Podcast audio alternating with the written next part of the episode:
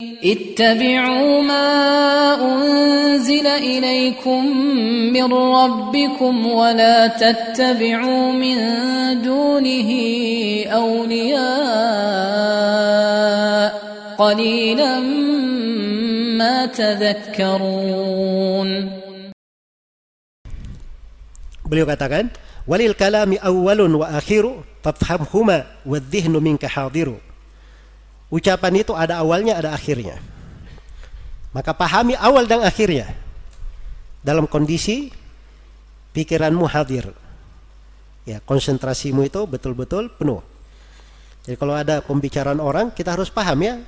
Dengar semuanya, awal dan apa?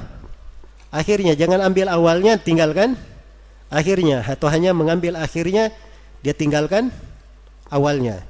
Ini jurus potong-potong ini bahaya ya. Ya, main cut-cut aja. Ya, atau copy paste. Dia copy sebagian, terus dia gabung di sana sini, copy sana, gabung lagi sana sini.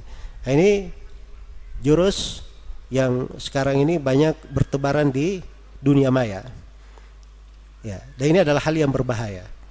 Baik, jadi seorang itu harus melihat pembicaraan. Siapa pun dia, kalau dia berbicara, dilihat pembicaraannya secara utuh.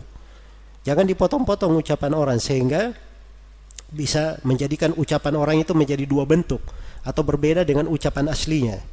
Berbeda dengan ucapan aslinya. Maka pahami awalnya dan akhirnya. Kalau sudah dipahami awal dan akhirnya, dia harus menghadirkan konsentrasinya. Ya. Nah, di sinilah sore yang memberi mendengarkan apa namanya e, pertanyaan, dia harus paham masalah itu apa, pembahasan itu ke mana. Ya. Dan si mufti itu tidak mesti dia menjawab. Ditanya sesuatu tidak mesti dia menjawab. Jawabannya begini. Mungkin si petanya dia tanya dulu, kenapa kamu bertanya begitu? Ya masalah kamu sebenarnya apa? Jelas ya?